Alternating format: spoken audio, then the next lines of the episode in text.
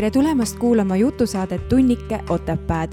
mina olen Kaidi Pajumaa. ja mina olen Merilin Kirbits. igas saates on uus külaline, kes on ühel või teisel viisil seotud Otepää vallaga. lisaks kajastame iganädalasi kohalikke uudiseid ja kultuurisündmusi.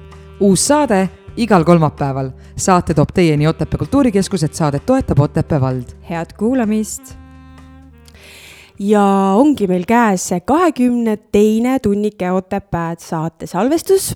tere taas kõik head kuulajad, äh, nagu te aru saate, olen ma praegusel hetkel stuudios ilma Merilinita, aga ma siiralt loodan, et järgmisel nädalal me oleme jälle kahekesi ja tuleb meil võib-olla natuke lustlikum saade. aga äh, ma loodan, et te naudite kenasti äh, kevadet igal juhul täna küll, kui me saadet salvestame, on väljas nii mõnusalt päikeseline ilm ja külaline on ka meil juba saatesse jõudnud või stuudiosse jõudnud ja meie sellenädalane külaline on elanud kirevat elu. ta on sündinud Eestis, aga elanud pikalt Moskvas ja Hollandis ning leidnud oma tee kodumaale tagasi. ta on õppinud õpetajaks, aga töötanud lisaks õpetajana ka hotellinduses ja toitlustuses. täna toimetab külaline Puka kultuurimaja kultuurikorraldajana ja tegutseb enda loodud ettevõttes. tere tulemast saatesse, Katrin Uhvert tere kõigile teate, äh, teate, alustamegi kohe täiesti algusest, et äh, ma küsin su käest, kust sa tuled, kes sa oled ja millega sa tegeled? mina olen Katrin Uhvert, sündisin Eestis ja see oli aastal tuhat üheksasada kuuskümmend üheksa nii et mina olen juba viiskümmend pluss.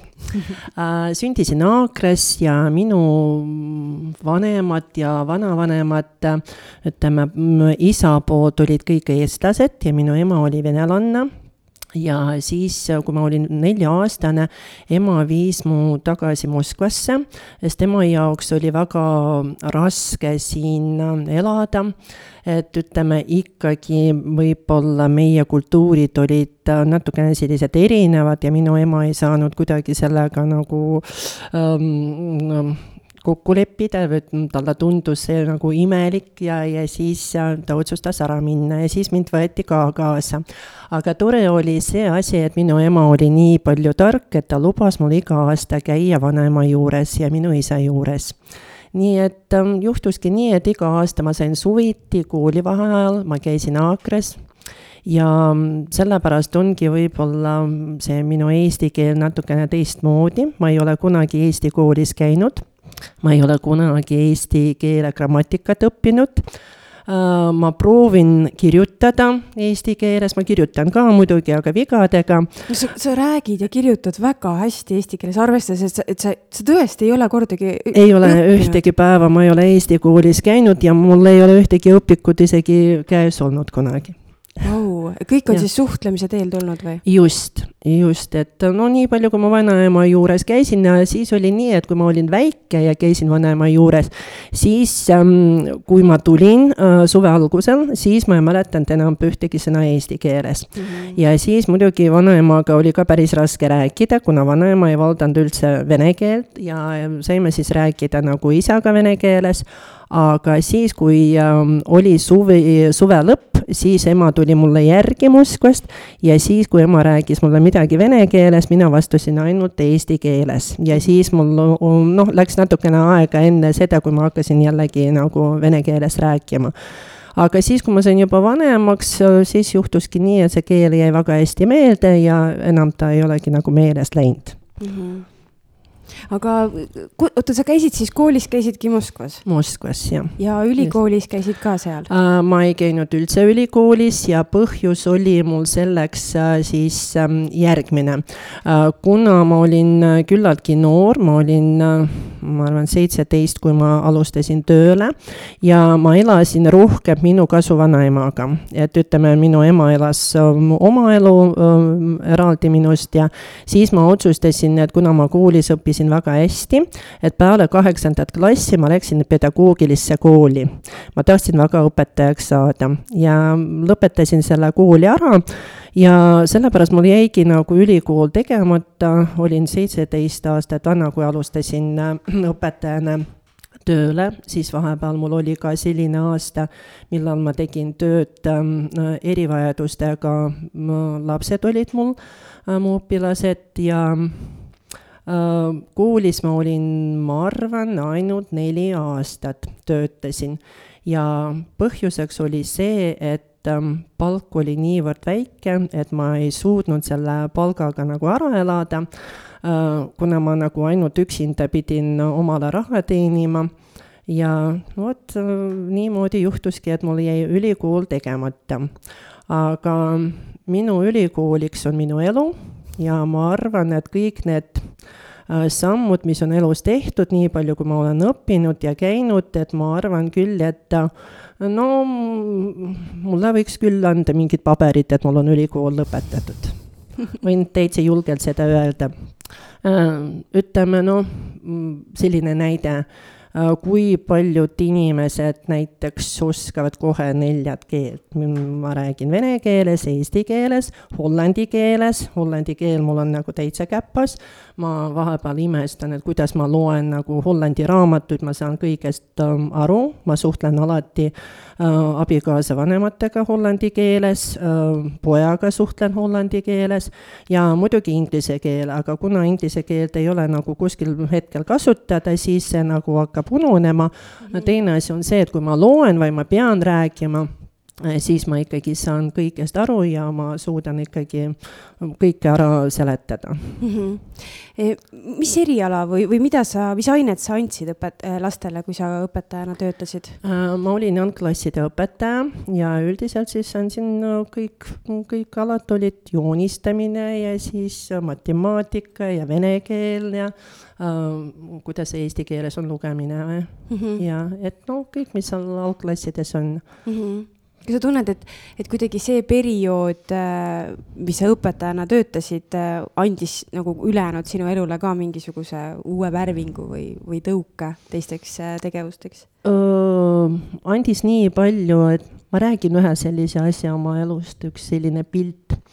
ma käisin tööl ja mul oli üksainus sviiter mul oli üksainus seelik ja mul olid kingad, mis ähm, juba olid nii vanad, tundus, et vahepeal varbad hakkavad juba välja paistma.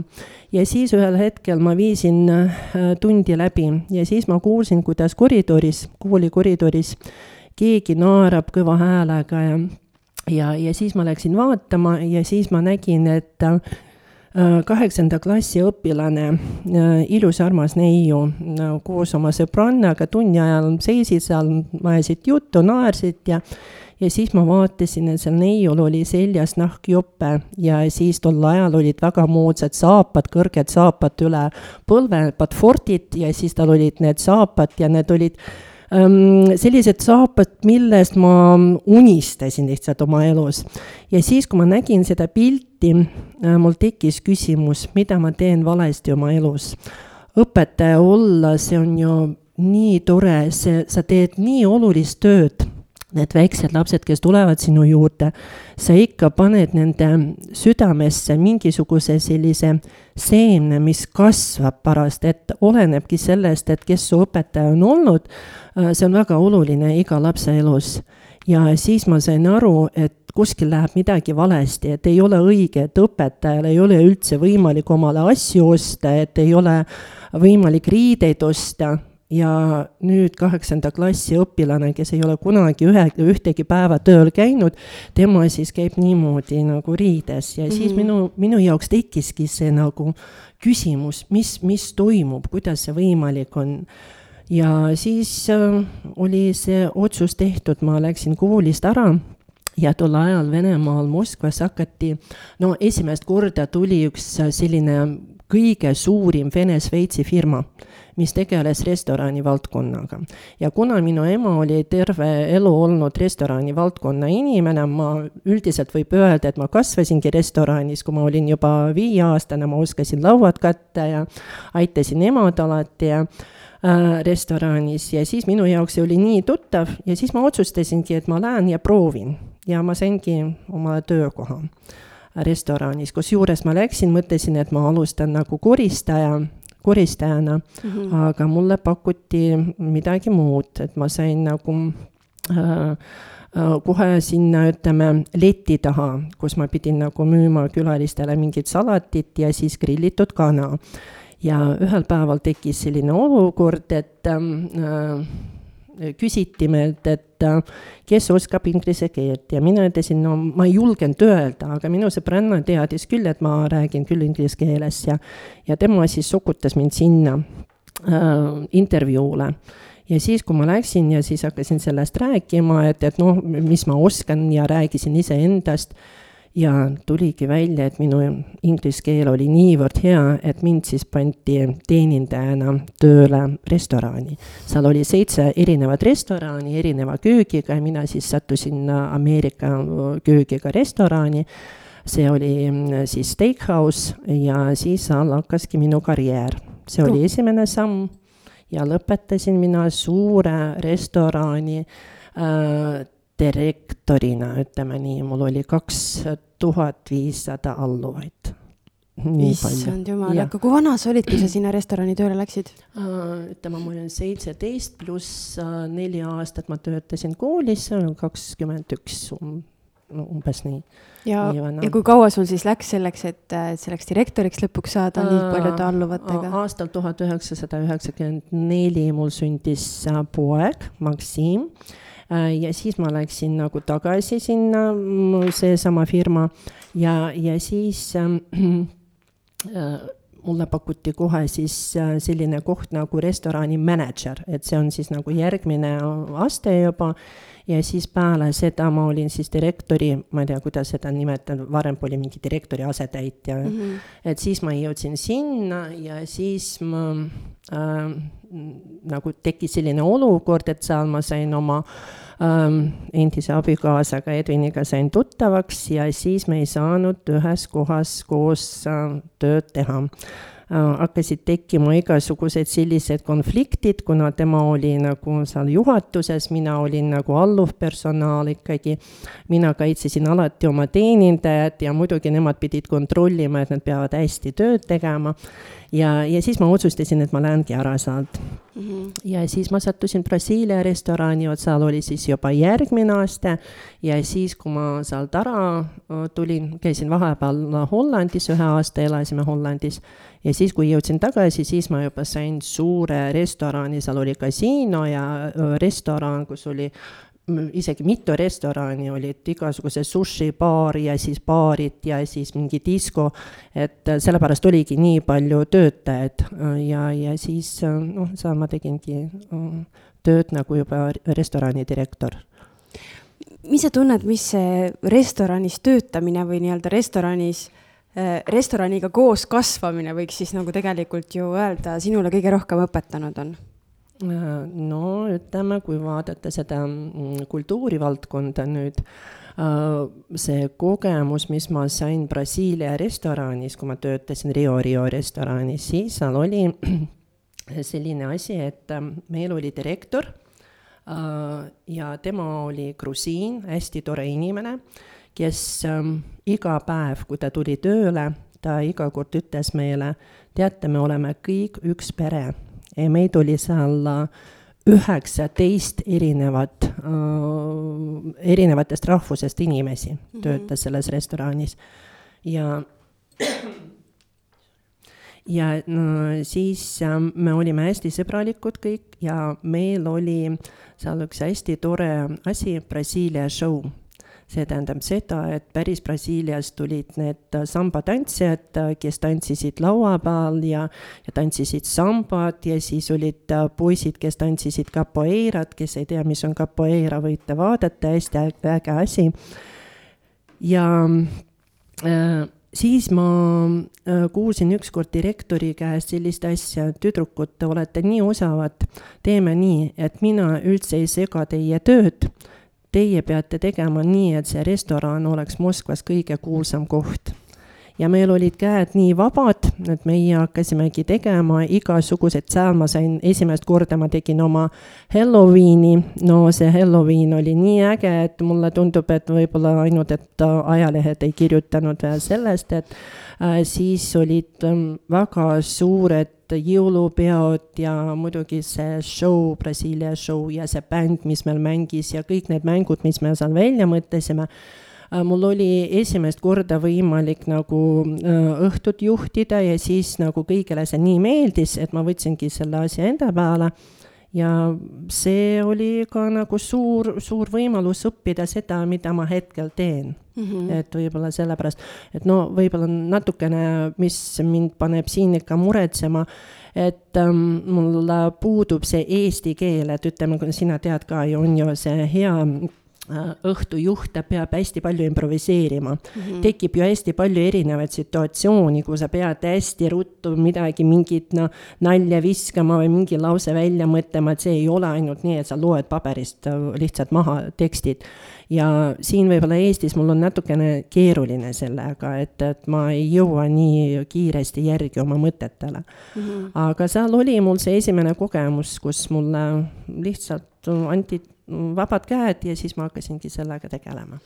aga kuidas see, kuidas on nagu võimalik, sa elad Moskvas, mis on, mis on nii suur linn, kus on nii palju inimesi, kus sa oled äh, nii-öelda oma karjääriredelil ikkagi selles konkreetses valdkonnas ikkagi päris kõrgel töötanud ja siis sa lõpetad Puka kultuurimajas või noh, mitte ei lõpeta, vaid mm -hmm. valid, valid olla ja töötada mm -hmm. Pukas, et äh, kuidas, kuidas üldse selline asi juhtub ma ütlen sulle nii, et päris paljud inimesed ähm, näitasid mulle kuidas seda mm -hmm. öeldakse eesti keeles no,, näpuga on ju. et nagu rumal oled ja, ja, ja et ähm, väga tihti on seda küsimust mulle esitatud mm, -hmm. aga mina esitan no, vastu sellise küsimuse, mida sinul oleks õnne jaoks vaja? sulle. ja mulle või, mis mul oleks vaja? jaa kuidas sa ennast tunned õnnelikuna, mida sul oleks vaja kõige rohkem? ma arvan, et hingerahu on ja. see, mis, mis, mida, mida mina võib-olla praegusel hetkel nagu taga ajan, et kuidas leida hingerahu enda igapäevastes äh, toimingutes. just, kas see rahasumma, mis äh, sul iga nädal, äh, iga kuu laekub sinna arvele mm, -hmm. kas see on seda väärt, et sa ei näe üldse näiteks oma last mm? -hmm. sa pead hommikust õhtuni tööl olema sa jooksed ennast täitsa segaseks, sa ei, sa, sul ei ole aega olla oma sõpradega, sa ei saa nautida ähm, sinu vaba aja kvaliteet kaob täitsa ära, sest kui sa töötad näiteks restorani valdkonnas, ma töötasin kell üksteist, ma olin hommikul tööl ja näiteks detsembrikuu äh, minu äh, tööpäev lõppes väga tihti kell viis hommikul ma jooksin koju, õnneks ähm, öösel ei olnud äh, neid ummikuid Moskvas, siis ma jõudsin küllaltki kiiresti koju, kell üksteist ma pidin jälle uuesti tööle minema, et see on päris äh, karm ja sa lihtsalt väsisid ära sellest? muidugi, sa, sa väsid sellest ära. veel üks asi oluline, mis noh, mida võib nagu veel tuua äh, Moskvas elades, see on natukene teistmoodi kui Eestis kui me siin esimest korda nägime äh, Lõunakeskuse parklas äh, noormeest, äh, kes parkis meie auto kõrvale ja tal oli Porsche ja tema nagu tegi ukse lahti ja tuli autost välja, tal olid mingid šortikud ja plätud jalas see on üks asi. kui sa elad Moskvas, sul sellist võimalust ei ole, et sa pead alati nagu kõigile tõestama, et mis tasemel sa hetkel oled, millises nišis sa hetkel äh, ähm, nagu elad, kui suured su võimalused on, et see aga kui ma ei taha, kui, kui mul ei ole seda seesmist vajadust kellelegi tõestada, mis siis juhtub mm,? siis sa oledki seal kuskil, no ütleme, selle alumise niši peal. et võib-olla sul isegi ei tekigi sellist mõtet, on ju. ei aga..., ma mõtlen, kui mul on, kui mul on nagu hea töökoht, mul on nagu hea raha, mul on, mul ongi nagu selles suhtes raha osta endale Porsche, aga mul ei ole seda vajadust kanda nagu kulda ja karda. kas mm,, mis seal, siis saaks? seal tavaliselt niimoodi asjad ei, ei käi ja, ja, ja et, et no ma ei tea, võib-olla mina eksin või võib-olla mina olin sellises keskkonnas, kus sa pidid nagu pidevalt kõigile nagu näitama, mida sa väärt oled. ja väga tihti see väärtus ei olnud sinu inimestega käitumises või, või siis ma ei tea no,, olid teised väärtused, et milline kell sul on, millise autoga sa sõidad, kas sa suudad näiteks kuskil puhkusel käia või nii edasi, et et näiteks no said õhtul sõpradega kokku, läksid sünnipäeva tähistama ja siis nagu üks räägib teisele, oi teate, ma nüüd tellisin omale siis ühe kleidi ja see läks mul maksma kaheksa tuhat eurot ja ja siis sa istud ja mõtled, jumal, kes sina siis oled ja et äh, ja, et sellised asjad olid ja nad, äh, ütlen ausalt, nad nagu ähm, ikkagi väga kuidagi mm, mõjuvad väga halvasti, et sa, sa nagu tunned ennast, see, see jutt käib väga tihti, sellest räägitakse väga tihti, sind nagu vaadatakse, hinnatakse pidev selle järgi. nagu jah. just, ja mm.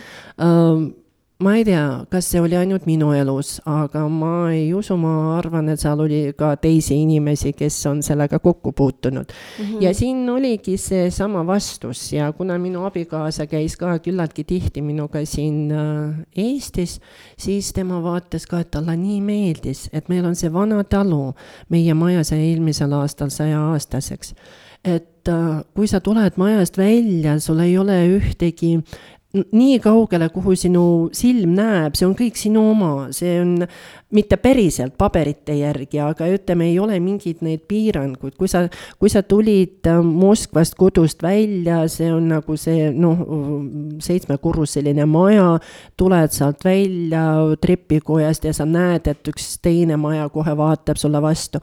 sa ei näegi seda taevast, sa ei näe tähti, sa, sa ei näe midagi, sest mm, võib-olla see ongi see oluline punkt, mi-, miks me otsustasime ära tulla mm, -hmm. et ma naudin, no mulle lihtsalt meeldib siin olla ja ja ma võin ausalt öelda, et mul vahepeal tuleb pisar silma, sellepärast et ma elan siin Eestis, ma, ma olen selles mõttes väga õnnelik, et um, ma olen juba viimasel ajal väga tihti kuulnud, et Eesti on ikkagi nii kaugele jõudnud peale seda, kui ta läks Nõukogude Liidust, läks välja ja mul on väga hea meel, et nagu mul on võimalik siin selles riigis elada mm. -hmm. muidugi väga tahaks, et meil oleks sama nagu elutase nagu võib-olla Rootsis või Soomes, aga ma usun küll, et kunagi me sinna ka jõuame aga mis sulle Moskvas elamise juures meeldis või, või millele, mis on see miski, mida, millele sa mõtled nagu helgusega tagasi? Mis puudutab just Moskvas oled, oldud aega? tead, see on nüüd hetkel kahjuks, see on seesama valus äh, punkt minu elus äh,. minu sõbrad mm, -hmm. äh, kelle kohta ma muidugi mõtlesin, et äh, nad on tõesti minu sõbrad äh,. kahjuks ei taha nendest teemadest, no tänapäeva on ikkagi selline päris kurb teema, mis äh, puudutab vist igaühte inimest aga. sa mõtled ma, Ukraina kriisi, jah ja,? just mm, -hmm. aga ma ütleks nii, mul oli päris palju sõpru, oli Moskvas äh,, muidugi igatsen ja muidugi tahaks nendega rohkem kokku saada ja juttu ajada ja, ja nii edasi, aga kahjuks tuli välja, et see, mis juhtus nüüd Ukrainas äh,, näitas mulle, et iga inimene ei saagi olla minu sõber. et meil on nii erinev vaade sellele maailmale. ja see on väga valus, ma ei usu, et iga eestlane on sellega kokku puutunud. kui te peate oma sõbralistist äh, eemaldama inimesi, keda te olete terve elu tundnud, kellega te olete koos nii palju teinud, kellega te olete noh, ma ei tea, igal pool käinud ja, ja olnud ja keda te olete niimoodi usaldanud ja äh, äkki sa saad aru, et need inimesed käituvad kuidagi nii imelikult ja sa lihtsalt ei saa sellest aru. sa proovid neile midagi seletada, et nad saaksid sinust aru, et nad kuulaksid sind, aga nad ei võta üldse kuulda, et nad lihtsalt, neil ongi mingi oma, oma teema ja isegi ei taha sinuga nagu sellel teemal üldse rääkida või kuulata sind, jah kahjuks minu elus on nüüd tekkinud see kurb punkt, et -hmm. tõesti ma pidin päris paljudest inimestest ähm, nagu ilma jääma. aga mis veel Moskvas muidugi see võimas kultuurielu, et isegi kui ma nüüd käin äh, Venemaal Moskvas, siis ähm, ma käin muidugi teatrites, ma käin muuseumites, ma vaatan, kus on mingisugused näitused, et need asjad on minu jaoks äh, väga olulised Äh, kusjuures Moskva on viimasel ajal väga ilusaks läinud, et see on tõesti nagu siin ma, ma ei saa midagi öelda, et tõesti, et kui Uh, ma ei tea, kas ma veel tahakski Moskvasse minna enam, mulle tundub, et lähiajal mitte. aga need ilusad asjad on ikkagi seal olemas, see kultuur Äh, seda sa ei saa südamest ära võtta, kultuur, armastus selle vastu, armastus vene keele vastu, sest keel ongi võib-olla seesama instrument, mida, mis saabki inimesi kuidagi ühendada, et vahet ei ole, kes sa nüüd hetkel oled, kas eestlane või venelane või ukrainlane, et võib-olla see vene keel annabki võimaluse üksteist paremini mõista, et mm -hmm. nagu oma mõtted edasi viia inimestele vot, et see kultuur on ka see asi, mida ma igatsen.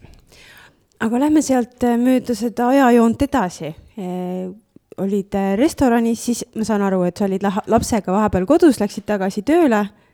aga mis edasi sai, kuhu sa edasi jõudsid vahepeal me käisime Hollandis ära.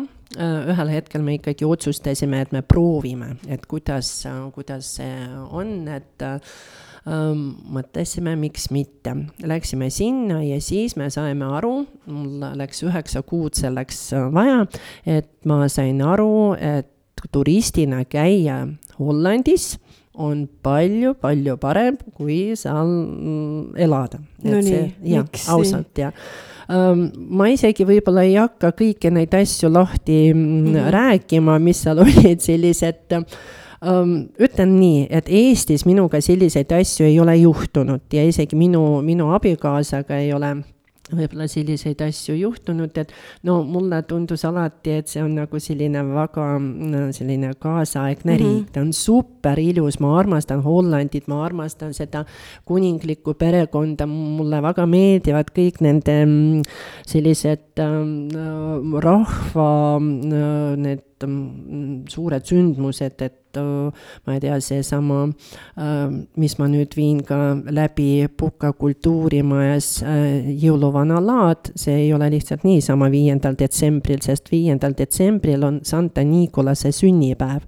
ja see on võib-olla kõige suurim selline lastepidu Hollandis, et see armastus nende mm, kultuuri vastu, see on väga suur.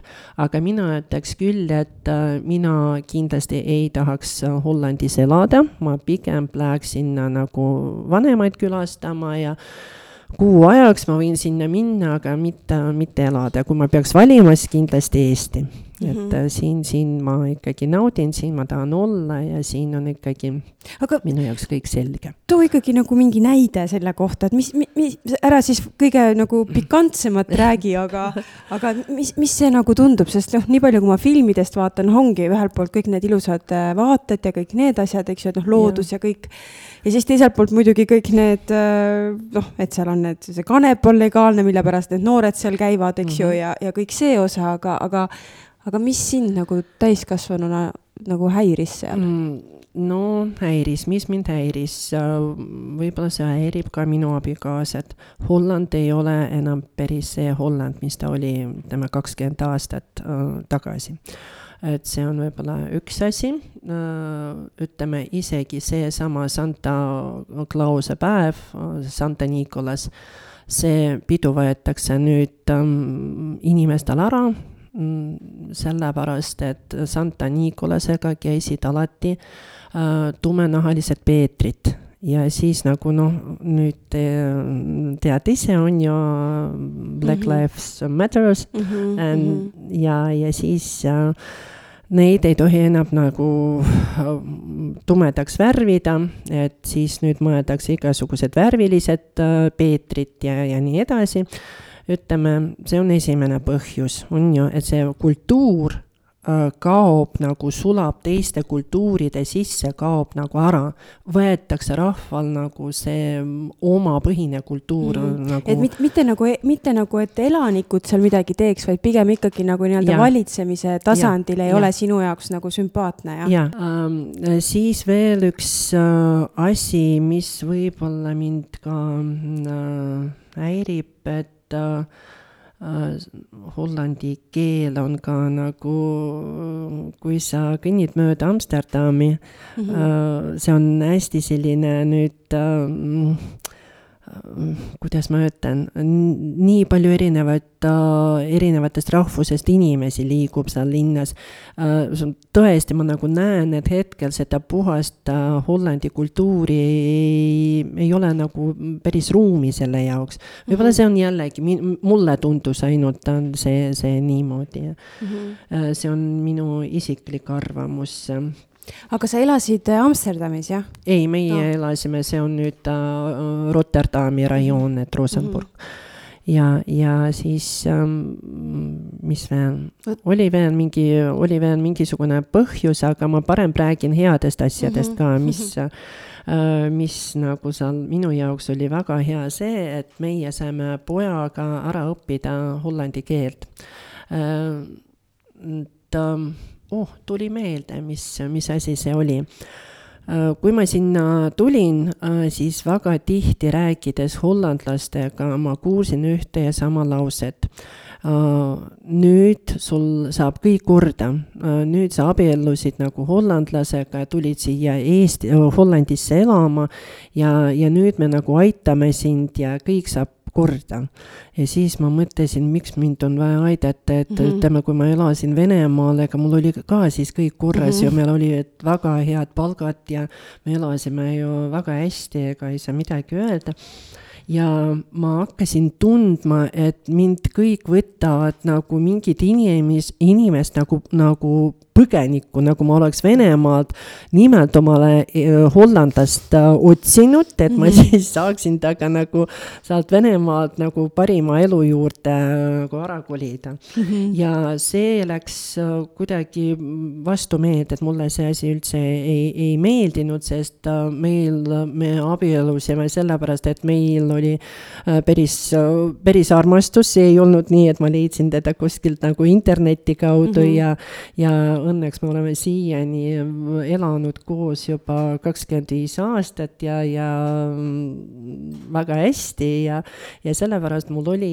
väga imelik tunne, et kõik nagu pidevalt mainivad mulle, et oh, kõik saab nüüd korda, ära muretse, nüüd sa said nagu Hollandisse ja mm. -hmm et see oli ka selline punkt. Mm, aga muidu ma ütlen küll, et Holland on väga ilus riik, ma armastan teda, ma armastan no nii suure südamega, et ta, ta, mul on seal alati mingi selline hästi suur nurk on minu südames Hollandi jaoks ja see kuningliku perekond et see on hästi toredad inimesed ja Holland iseenesest on väga ilus riik, aga pigem ma lähen sinna ikkagi vanemaid külastama ja siis olen seal no võib-olla paar-kolm nädalat, siis ma tulen ikka Eestisse tagasi.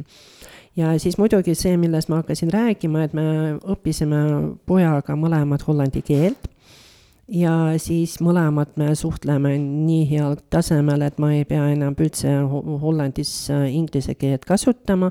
ma saan igal teemal rääkida, minu poeg ka samamoodi, et näiteks Maksim ei räägi üldse Edviniga äh, teises keeles kui ainult hollandi keeles äh, see on väga hea, sest iga uus keel, mida me õpime, see avaneb avab meile seda maailma veelgi rohkem, niikaua kui sa keelt ei, ei tea, sa ei saa aru nendest nüanssidest, sa ei saa aru sellest, kuidas seal päriselt inimesed elavad, mis on nende mured. sa näed nagu lihtsalt seda pealt, seda pilti, sa ei saa sinna sügavamale vaadata, sa ei näe võib-olla mingeid probleeme või vastupidi, nagu toredaid asju, kui sa keelt ei valda, aga õnneks me jõudsime seda ära õppida päris heal tasemel ja Äh, mina sain ka Hollandis selle keelediplomi ja äh, mina sain äh, B-taseme, aga mul jäi ainult üks punkt A-tasemeni ja kusjuures ma õppisin ainult viis kuud, et ja mulle öeldi, et üldse venelased õpivad väga kiiresti.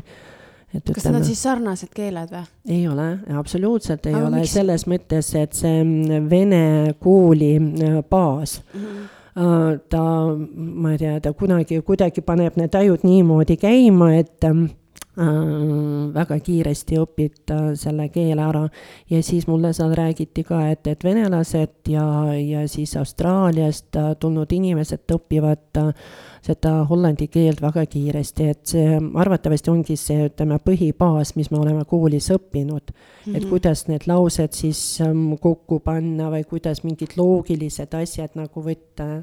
See oli ka päris huvitav kogemus, kuidas meile õpetati seda hollandi keelt mm. -hmm. et hetkel ma võin võtta raamatut ja isegi kui ma sellest lausest ei saa aru, mis seal kirjas on, ma tean, et loe siis järgmist lauset, ära võtta kohe sõnaraamatut, et loe järgmist lauset, et võib-olla seal on juba see vastus sinule, et mis seal eelmises lauses on ja niimoodi me õppisime ja nüüd mm -hmm. on see palju kergem aga sa oled Eestis sündinud, sa oled Moskvas äh, väga suure osa elust elanud ja, ja Hollandis ka ja nüüd tagasi Eestis. ja Edvin on läbi ja lõhki hollandlane jah, või, või kuidas on küll, no võib nüüd juba öelda, et ta on vist pool eestlane ka mm. aga kuidas sa nagu tunned, et äh, tavaliselt nagu öeldakse, et sellisest erinevatest kultuuridest äh, kokku saanud paarid, et kas, äh, et, et, et, et sealne paarisuhe on nagu keeruline. et noh, a la kui eestlane ja venelane näiteks saavad kokku või eestlane ja ma ei tea, inglane näiteks, et, et on küll justkui see, et erutab kuidagi see, et on, on võõramaalane, aga ikkagi see, see kultuur ja see, see kuidagi see põlvnemine ja need mingisugused oma riigi või oma pere noh, tavad on, on nagu riigiti ja kultuuriti erinevad. ja minu küsimus on nagu see, et, et kas sina nagu ka tunned, et, et, et, et alguses võib-olla läks nagu natuke rohkem aega, enne kui Edviniga nii-öelda ühte jalga saite astuma? mina nii ei ütleks ja ma tean, mis selleks põhjus on Äh, Edwin oli seitseteist aastat vana, kui ta sõitis Hollandist ära mm. -hmm. ta töötas, ta on restorani valdkonna inimene, ta on professionaalne kokk ja siis ta töötas päris pikalt, ta töötas Šveitsis, siis töötas Prantsusmaal ja mm, -hmm. ja siis ta jõudis Venemaale ja ütleme ta on ka kokku nagu vist umbes kakskümmend aastat on elanud Venemaal mm -hmm. ja mhm. siis ütleme, no ta võib-olla vahepeal võis nagu arvata, et ta on rohkem juba see venelane kui mm, -hmm. kui hollandlane, et ütleme mm -hmm. noh uh,, sul on muidugi see kool on sul selja taga, kui sa oled seitseteist aastat vana, aga kui sa hakkad juba niimoodi mööda maailma rändama, siis sa nagu võtad enda sisse kõik need erinevad kultuurid, et um, ma arvan, sellepärast meil ei tekkinud üldse mitte mingisugust probleemi. ma ütlen, mul on võib-olla suurem probleem iseendaga äh, selles mõttes, et kui ma nüüd tulin siia, ma olen ristitud Vene mm, kirikus äh, ja siis äh, minu jaoks on siiani näiteks väga keeruline, väga raske, ma olen sellel teemal palju kordi rääkinud ka kirikuõpetajatega et minu ajud mitte kuidagi nagu ei saa aru sellest, et kuidas on võimalik kaks korda äh, munadepühad või kuidas on võimalik äh, kaks korda mul aastas Äh, jõulud, ütleme, et, et need asjad minu jaoks on päris keerulised. Äh, okei okay,, kui munadepühad on, satuvad nagu ühe päeva peale nii Eestis kui ka Venemaal, see on, see on ikkagi üks asi. kui meil on siin Eestis munadepühad on nagu varem ja siis kuu aja pärast on Venemaal munadepühad, kui ma ei eksi, siis vist eelmisel aastal oli niimoodi see ajab mind juba nii sassi, et no sa pead um, ette kujutama, et ma, ma siin um, Eesti munade pühadeks ma värvin mune. On ju, teen kõik ilusad lauad ja, sest Edwin on ju ka ikkagi, ta tähistab um, Eesti kalendri järgi, nagu Hollandi kalendri järgi ja siis meil on ikkagi väga ilus laud ja siis on seal ka natukene teistmoodi reeglid, meil ei ole seda, see suur reede ei ole meil vaba päev, on ju siin Eestis minu mm. arve, on juba? Mm, -hmm. ahah, see, aa, esmaspäev. Neil on veel esmaspäev ja, on ka vaba. ja et, et äh, selles mõttes nagu ma tähistan seda ükskord. Mm. ja siis kuu aega läheb mööda ja kuna ma olen ka ristitud, on ju, et mul on ka ikkagi see usk on olemas, mul on ju oma jumal, kusjuures, et vahet ei ole, milline see jumal on, et sa nagu pead lihtsalt mõtlema selle peale, et sa oled lihtsalt nagu selline hea inimene, et sa ei tee kellelegi midagi halba mm, -hmm. et ähm, ja, ja siis ma nagu uuesti hakkan mune värvima ja siis ma hakkan uuesti salateid tegema ja, ja siis ma siis äh, küpsetan seda vene koogi, mille nimeks on kulitš ja, ja siis mul nagu ajud lihtsalt jooksevad täitsa nii sassi, et ma ei saa sellest aru. et ma ütlengi, mul väga tihti ei ole siin probleemi sellega, et meil on Edviniga erinevad kultuuri, kultuurid, et ma olen enda sisse nii palju ikkagi Hollandi kultuuri sisse võtnud mul on iseendaga rohkem suuremad probleemid selles mõttes, et nagu ma ei saa, ma ei saa ikkagi sinna nii kaugele ei jõua pead mingi kuldse kesktee leidma ei ole võimalik, ei ole võimalik, et ütleme, no sellega on vaja lihtsalt, vot vaata, kui järgmine kord tulevad munadepühad, et kujuta ette, et, et sinuga on ka sama mm, -hmm. sama asi, et äh, kuu aja pärast sa pead veel kord munadepühad. et oleks nagu ajas tagasi läinud just, või, või nagu eelnev oleks unenägu olnud, on ju. ja, ja et sa ei saagi nagu aru, et kuidas see Jeesus Kristus uuesti nagu kuu aja pärast veel kord nagu ma ei tea, noh, okei okay,, olgu, et äh, ma olen sellega elanud, ma loodan, et ma saan sellega edaspidi ka veel hakkama, et. Äh. aga kuidas sealt Hollandist lugu edasi läks, ma saan aru, et olite seal üheksa kuud ja, ja siis otsustasite tulla Eestisse tagasi, miks? ei mm., vahepeal olime Moskvas ja siis seal Moskvaski juhtuski minuga see asi, et ma läksin siis sinna selle suurde restorani ja see oli mm, see oli võib-olla nii kergelt sellepärast, et äh, kõik, kes me töötasime seal sellest Vene-Šveitsi firmast algusel, äh, see oli niivõrd võimas firma, see oli niivõrd äh, võimas ettevõte, me saime seal nii head koolitust, restorani valdkonna koolitust, sest kõik meie juhatajad olid ju välismaalased. Need olid inimesed, kes õppisid Šveitsi parimates koolides, restorani Horeca kas sa tead kusjuures, mis tähendab Horeca mm? -mm ja see on hotell, restoran ja äh, siis äh, catering mm. ja siis mm -hmm. see ongi see valdkond, mis tegeleb kogu selle äh, nagu restoranide, hotellide ja catering uga mm. -hmm. ja, ja siis meil oli väga hea koolitus seal ja siis, kui me nagu läksime sealt, kes kuhu läks oma teed siis meid pärast otsiti üle Moskva, kõik mm, sürvati läbi, kus me oleme ja meile pakuti väga head töökohad. ja ma usun, et siiani need poisid ja tüdrukud, kes minuga koos töötasid, nad on veel siiani Moskva parimate restoranide direktorid ja juhatajad, et et mhm. see oli väga-väga populaarne võtta tööle siis selliseid inimesi ja siis üks päev helistati mulle ka ja siis küsiti, et millega ma tegelen ja ja siis ma ütlesin, no ma alles jõudsin nagu Äh, Hollandist tagasi ja siis pakuti mulle tööd ja siis äh, pakuti nii suurt palka, ma küsin, jumal, mis ma pean selle raha eest tegema ja siis mulle öeldi, ega sa ei peagi midagi tegema, lihtsalt no istud ja vaatad, jood kohvi ja vaatad, et sul kõik hästi toimiks ja. no siis ma mõtlesin, et sellist asja mina küll ei suuda teha, aga ma ikkagi läksin proovima ja, ja, ja siis noh, sain selle koha peale. ja siis vahepeal ma töötasin ka sellises kohas nagu Marriott Aurora ja Marriott, see on suur äh, Ameerika hotellide kett.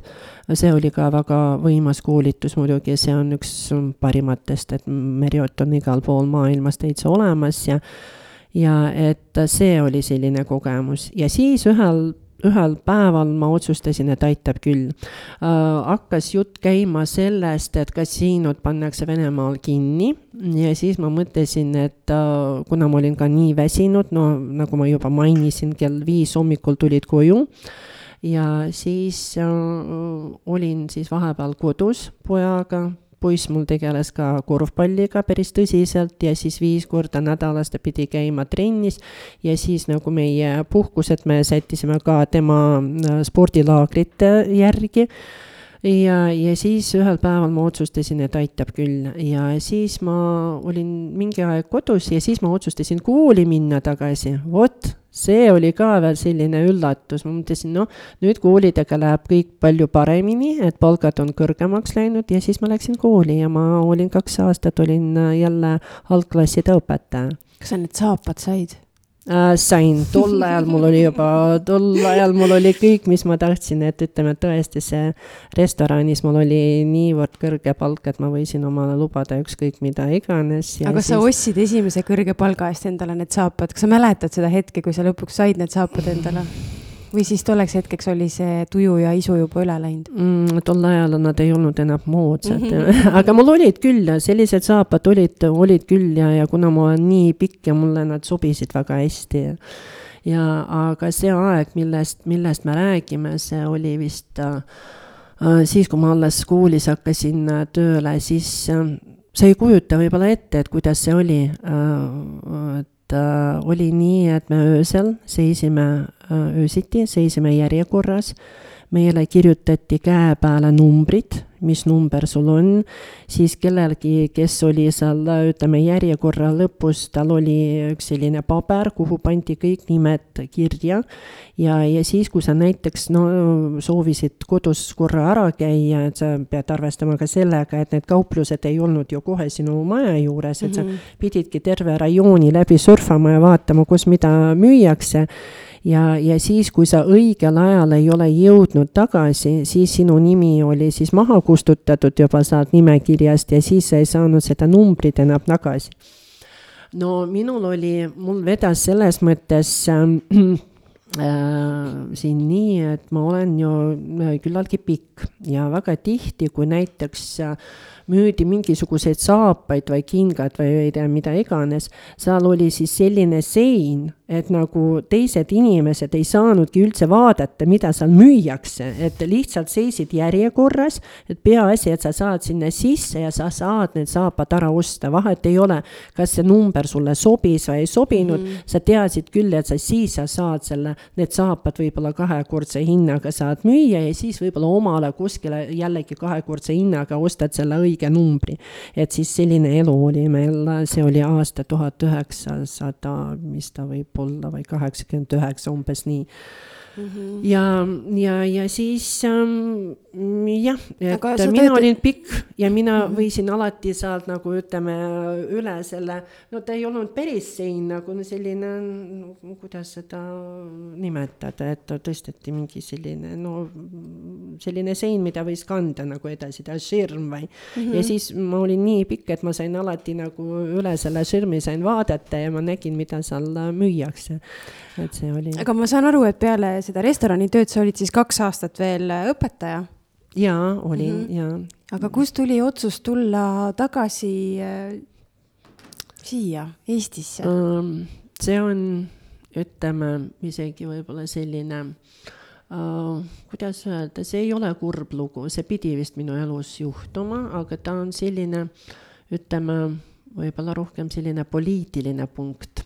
Uh, ma ei tea, kuidas, võib-olla ei olegi mõtet sellest rääkida, ma ühel hetkel sain aru Mm, et minul võetakse vabadus ära. Äh, mitte selles mõttes, et mind tahetakse kinni panna, aga mul äh, taheti minu hääl ära võtta. Äh, hääl selles mõttes, et valimistel, et lihtsalt meile öeldi, et me peame tulema ja me peame valima ja, ja siis meile, meid hirmutati ka sellega, et Äh, kui ma ei tee seda õigesti, siis tehakse tööd lahti ja mm. siis ma sain aru, et see on viimane päev, millal ma seal äh, töötan. ja siis ma sain aru, et mulle sellised asjad ei meeldi, ma olen väga selline uh,, ma ikkagi ütlen tavaliselt seda, mida ma mõtlen ja, ja ma, ma tahan rahul olla oma mm,, kuidas seda nimetatakse Mm, oma südamega, et, et selles mõttes ma mõtlen oma südamega, ma, mul ongi see Jumal kuskil minu, minu pea sees või, või ta on mul seal kuskil üleval, et ma tean, et ma vastutan tema eest, et ma pean midagi õigesti tegema, ma ei saa ühtegi sammu teha kuidagi valesti, ma pean olema see, see inimene, kes ähm, ikkagi no ei tee neid äh, vale samme, aga no ma ei tea, arvatavasti ma ikkagi teen mõned valed sammud aga ma proovin vähemalt neid mitte teha ja mm., ja siis ma mõtlesin, et äh, need asjad mulle ei sobi, ma, ma ei taha niimoodi olla, mulle, mul mitte keegi ei, ei suuda minu häält niimoodi ära võtta, et mm. -hmm ja, ja siis oligi otsus tehtud ja mm, parajasti minu poeg lõpetas ka kooli ja siis me otsustasime, et me lähemegi Eestisse, et tema läheb Tartu Ülikooli ja meie siis läheme, kolime siia ja siis me hakkasimegi siin oma vana maja renoveerima ja siis niimoodi ma jõudsingi siis abikaasaga ja pojaga siia Eestisse. see oli siis aastal kaks tuhat kaksteist, jah? jah mm -hmm., just Aga- kümme aastat tagasi, jah. jah, aga mis sa siin edasi tegid, sest Puka kultuurimajja kultuurikorraldajaks tulid sa ju nüüd paar aastat tagasi, eks ju? jah, no nagu ma mainisin, et algusel meil oli nagu päris piisavalt raha, et, et me nagu teenisime päris palju, et mm. -hmm. Ja siis me saime maja renoveerida, siis ma, me lõpetasime Edviniga ka sauna, midu, mida minu isa hakkas kunagi ehitama, sauna jättis pooleli. siis me tegime sellest ka maja, hakkasime seal ise elama ja siis ühed sõbrad ütlesid meile, aga miks te seda rendile ei anna. ja siis me panime ta booking usse üles esimest korda, see oli vist kaheksa aastat tagasi ja peale seda see maja nagu, me teenimegi sellega, et äh, meil on selline külaliste maja või, või talu, et äh, maja, mis on kaheksale inimesele mõeldud ja siis me tegelesime päris palju, päris kaua selle noh, maja, maja ehitamise või renoveerimisega. Ja siis, et ma natukenegi saaks mingit raha teenida, ma viisin läbi ringi Aakre rahvamajas. see oli äh, lastering, kus me tegime erinevaid asju ja siis pärast sellest kasvas välja siis selline asi nagu näitering, mida ma viin siiani, viin läbi. Äh, ja mm, mis ma veel tegin, ma olin väga aktiivne külaseltsi liige, mind kutsuti Aakre külaseltsi ja siis me hakkasime tegema erinevaid üritusi siis kirjutasime erinevaid projekte ja siis meil oli väga selline tore seltskond, kellega me koos tegime seda tööd. ja siis ühel hetkel äh, jällegi üks Aagri inimene, kellega me olime koos äh, külaseltsis, Sirle äh, küsis minult, et kuule, kas sa ei tahaks catering'u koolitust läbi viia Valga Kutseõppekeskuses oh,. ma ütlesin, oi jumal, no millest ma seal räägin, no catering, ma olen küll sellega tegelenud mm, -hmm. see, see, see ongi see asi, mis mulle väga meeldis ja mul oli päris suur kogemus, aga mida ma sellest räägin või kuidas, et mul ei ole mingit materjali ja minu eesti keelega ja ta ütles, aga proovi ja siis oligi nii, et ma alustasin Valga Kutseõppekeskuses, hakkasin neid tunde läbi viima ja need olid mõeldud täiskasvanutele. ja pärast mulle pakuti ka seal tunde, mis ma andsin äh, noortele õpilastele.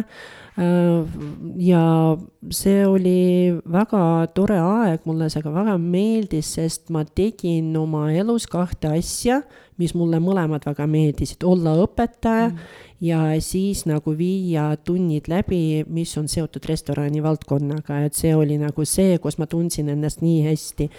ja siis muidugi olen väga tänulik selle eest, et mulle pakuti päris palju erinevaid võimalusi, me, me saime väga palju erinevaid koolitusi, siis me käisime, äh, näiteks ma käisin seal noortega Maltal, me käisime noortega Gruusias, me käisime äh, koos Ukrainast, no siiani mul on hästi palju nagu sõpru Ukrainas, päris tore aeg oli, et äh, mulle väga meeldis ja, ja siis no tõesti nautisin seda.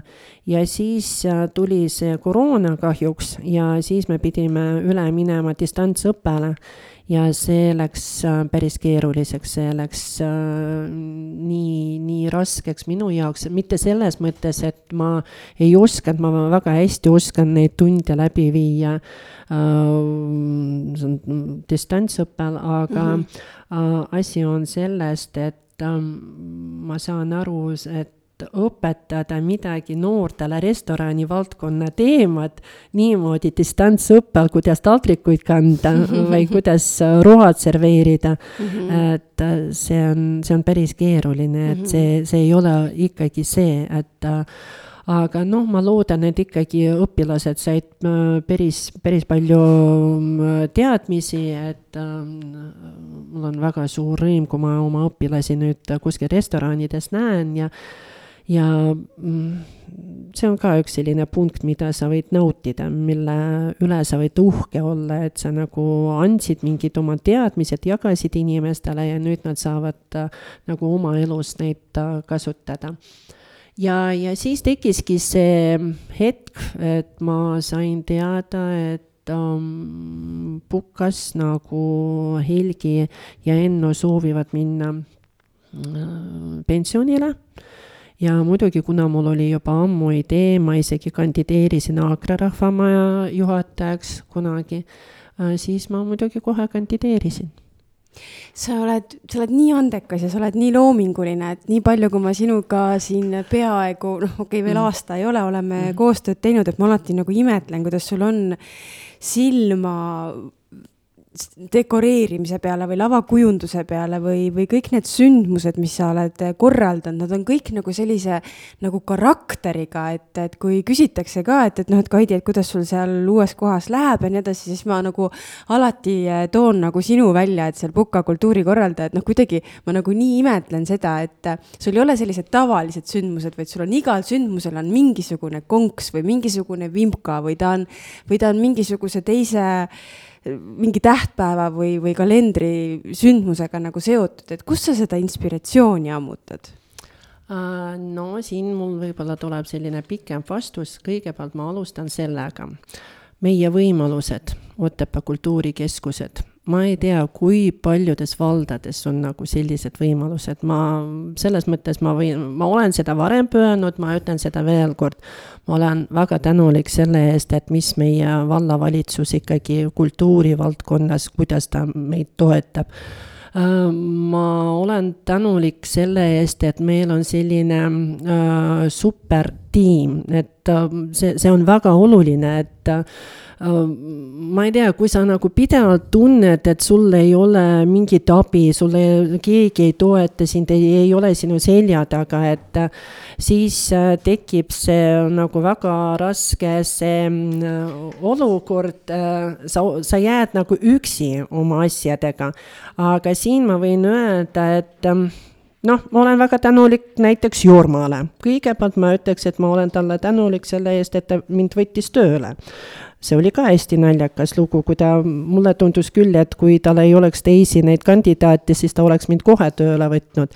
algusel ta nagu vaatas mind kuidagi sellise pilguga ja siis pärast ma vaatasin, et silmad hakkavad rohkem ja rohkem särama ja mm, -hmm. ja ma olen ka talle tänulik, et ta lubab mulle seda kõike teha no ma loodan, et ma siis ikka teen midagi õigesti, see on ka teed. väga oluline, on ju. Äh, kõik meie koosolekud, mis me, mis me oleme koos, on ju, et see ei ole lihtsalt nii, et ma nagu ainult panen laua peale oma ideed mm -hmm. ja, ja ainult jälgin neid, et ma tahan just nii teha. ma alati kuulen seda, mida teie ka soovitate, sest näiteks mul on väga väikese, väga väikese kogemus äh, Eesti kultuuriga üldse, ma, ma ju iga, iga iga päev õpin mm. -hmm. ja, ja selles mõttes on nagu väga tore, et teie toetate, et, et sina, Merle, tüdrukud, et iga kord mm, -hmm. kui helistan Marinale või, või Marikale, et, et ma alati saan mingit abi. ja siis on äh, muidugi veel äh, see asi, et äh, vabatahtlikud Äh, ma ütlen nii, et no esimene kõige suurim vabatahtlik on arvatavasti minu abikaasa. Kuna me oleme jällegi mõlemad restorani valdkonnast ja meil on päris palju nagu kogemusi erinevates nagu riikides, erinevates kultuuridest, siis tema viskab väga tihti selliseid ägedaid ideid, et ma nagu kohe haaran neist kinni siis ma ütlen, et mul on pukas paar inimest, kaks, kolm, neli, äh, kes on kohe nagu äh, võib-olla nad tulevad, aitavad füüsiliselt, mille eest ma olen neile väga tänulik, aga väga tihti on nii, et nad ähm, lihtsalt vahepeal ajavad sinuga juttu ja näiteks noh, toon viimase näide, et see oli see Puka matsukas Ähm, rääkisime Anžeelikaga, sa tead, et Anžeelikale äh, saatsin ka, seekord andsin äh, tänukirja ja, ja siis, kuna tal on hästi ilus koer ja tema ütles, et tead, väga tore üritus on selline nagu koerte mitteametlik näitus, et see on äh, match show ja ma küsisin, mis asi see on, no lihtsalt kutsutakse kõik koerad kohale ja ongi kõik. ja see oligi ainukene lause, mis pani mind kohe mõtlema, mis ma tegin uh,, ma läksin kohe koju, ma hakkasin otsima, ma vaatasin matsukaid, ma vaatasin need match-show'd, mis, mis tehakse üle Eesti. ma vaatasin, kuna jällegi hollandi keel, inglise keel, mul on võimalik ju kohe avada mitu erinevat uh, kodulehte ja vaadata seda erinevates riikides, et mida seal tehakse ja siis ma sain aru, et see on nii äge mõte ja no mis ma tegin, ma kohe nagu viisin selle, selle idee ellu. Äh, mul on hästi toredad inimesed, vabatahtlikud Pukas, ähm, näiteks Eveli oma tütrega, kes tulevad ja aitavad alati seda kas saali siis äh, nagu ilusaks teha või, või siis äh, lihtsalt mingisuguse nõuga. ja, ja on inimesi, kes aitavad mul projekte kirjutada, et see mulle ka väga meeldib, et oleks ma osanud hästi kirjutada eesti keeles, siis ma teeks veelgi rohkem, aga selles mõttes, et inimesed tulevad oma ideedega või siis aitavad minu ideed nagu sinna lehele kirja panna. see on, see on ka väga oluline, et, et no ma ütlengi, siin võib nimetada Annet ja Annelit ja, ja muidugi Helgit ja Ennot, kes on nagu alati toeks olnud mm. -hmm. et see on, see on väga oluline ja et sa proovid igalt poolt, kas oma teadmistest või siis surfad seal kuskil internetis või, või siis lihtsalt kuulad, mida inimesed räägivad, sa proovid nende käest ka nagu seda infot ridade vahelt välja lugeda, mida nad tahavad mm. -hmm. kahjuks hetkel on see koroona, ma olen mitu korda kuulnud, et Puka inimesed väga tahavad omale näiteringi, et tahavad teha sellist teatrit, aga miks mitte. nüüd võetakse piirangud ära ja miks mitte proovida, et võib-olla ma ikkagi tegelen sellega ka. see on väga vahva.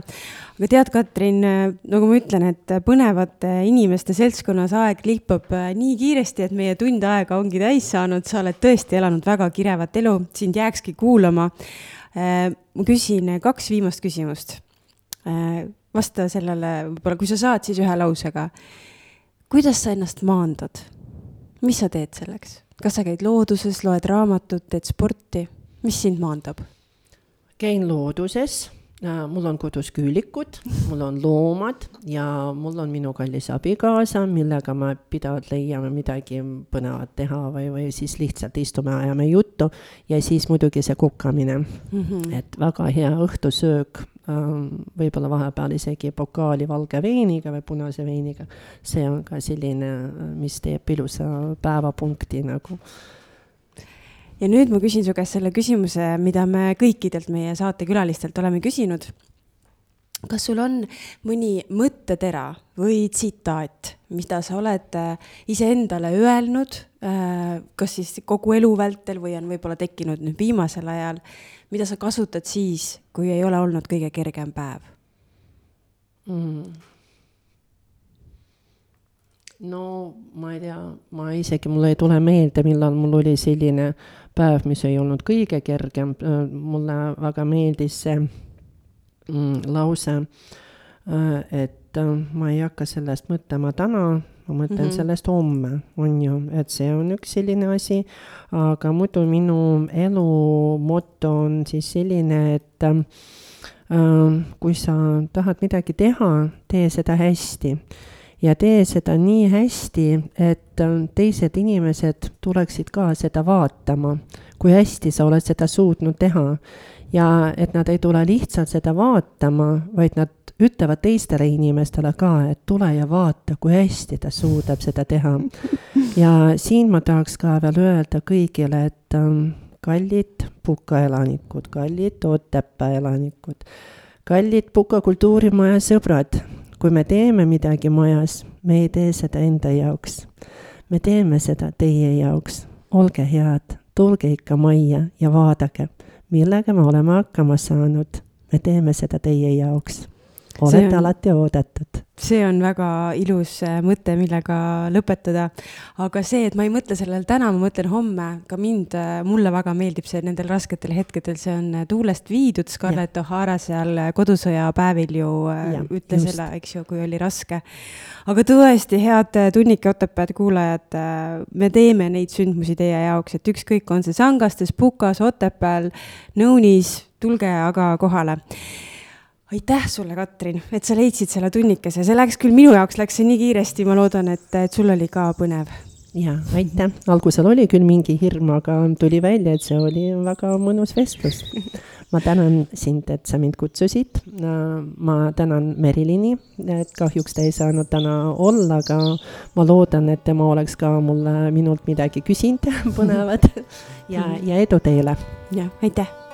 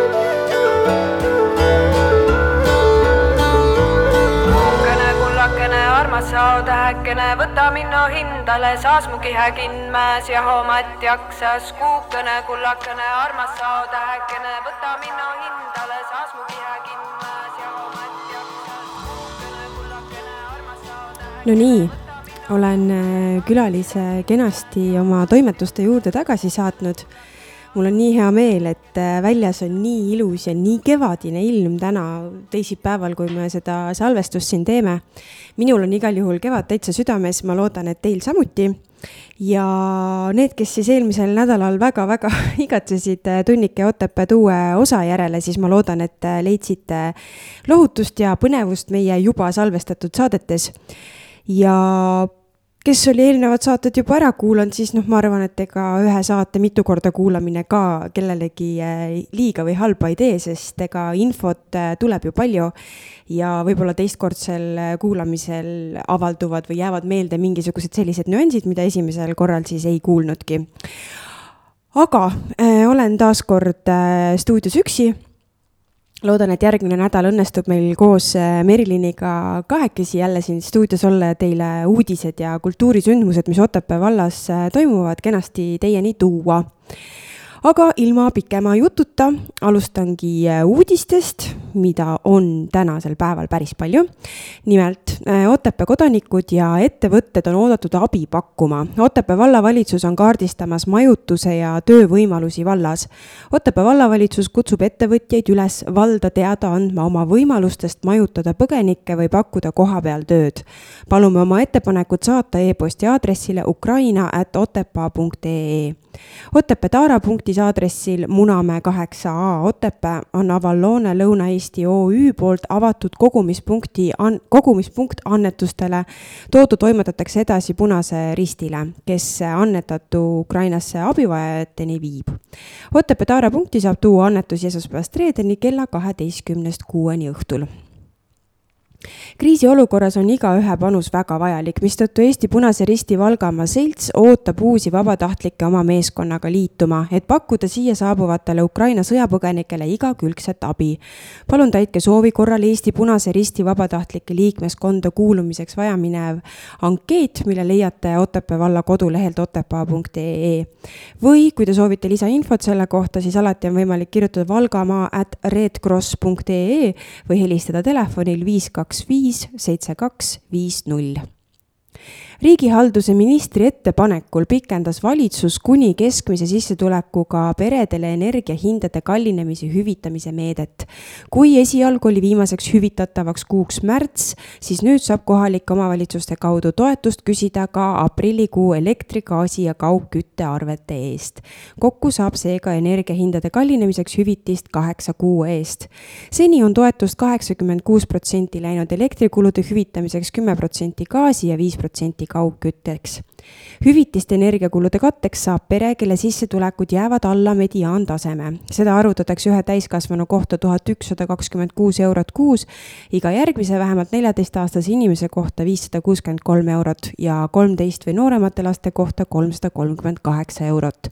toetuse ülempiir kõigi energiakulude peale kokku on viissada eurot kuus ja alampiir kümme eurot taotluse kohta esmaspäeva õhtul saatis Otepää vallavalitsus Poola piirile bussi, et võtta sealt peale Ukraina sõpruspiirkonnas sõjapõgenikud.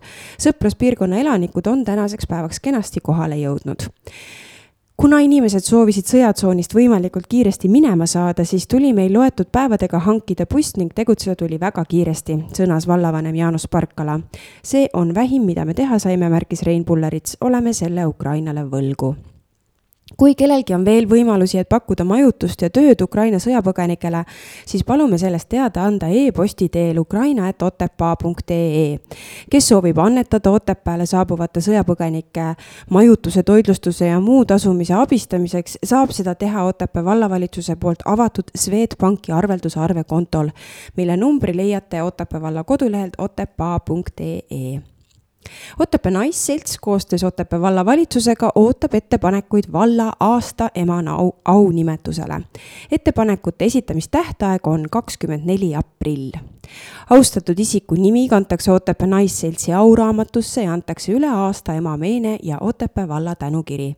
ettepanekud palume esitada Otepää vallavalitsuse e-posti aadressile vald.otepaa.ee või tuua kirjalikult Otepää vallavalitsusse lipuväljak kolmteist märgusõnaga aasta ema Otepää vallas on mõned vabad töökohad.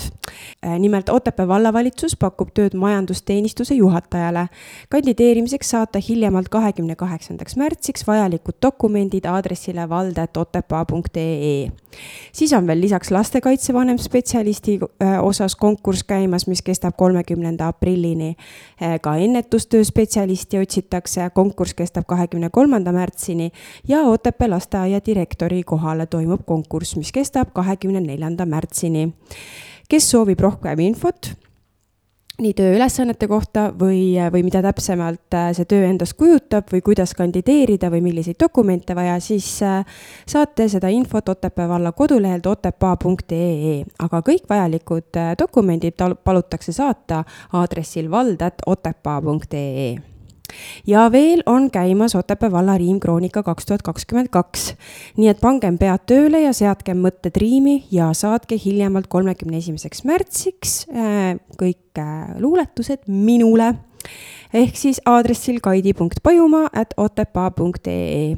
aprillikuus toimub Riimkroonika konkursil osalenutele tänusündmus, kus žürii valib välja kolm lemmikluuletust ja jagatakse eriauhindu sündmustest nii palju, et Äh, juba täna õhtul, kuueteistkümnenda märtsi õhtul Nõuni kultuurimajas ja ka Zoomis kell kaheksateist null null Nõuni Haridusakadeemia neljas loeng äh, loeb siis eetika äh, õppejõud ja filosoofia doktor Meego Remmel ja teemaks on, kuidas saab olla õnnelik õnnetus maailmas. rohkem infot leiate selle kohta samanimelisest Facebooki eventist Otepääl toimub endiselt väga mitmeid spordisündmusi, kes soovib täpsemat infot, mis ja kus ja millal, siis leiate selle info Otepää valla kodulehelt otepaa.ee kaldkriips Otepää kultuuri- ja spordisündmused ja esimesel aprillil on küll, see on küll alles paari nädala pärast, aga toimub Otepää kultuurimajas kell kaheksateist null null Otepää linna kaheksakümne kuuenda sünnipäeva puhul sünnipäevapall. kontserdil astuvad üles erinevad Otepää linna kollektiivid ja tunnustatakse parimaid. laual loomulikult sünnipäevatort, tantsutab armastatud Margit Tali bänd. avatud on ka kohvik-baar Eh, dress code on pidulik, ehk siis tulge kõik pikkades kleitides ja ülikondades. sündmus on loomulikult tasuta. kes soovib rohkem lisainfot, siis seda saab Merle Soonbergilt numbril viis, kuus, kuus, kaks, kuus, neli, kaheksa, üks ja selline siis kujuneski meie märtsi keskpaigane tunnike Otepääd, mis oli seekord juba kahekümne teine saade. kuulake meid ikka jätkuvalt, kirjutage meile, joonistage meile ja soovin teile kaunist nädala jätku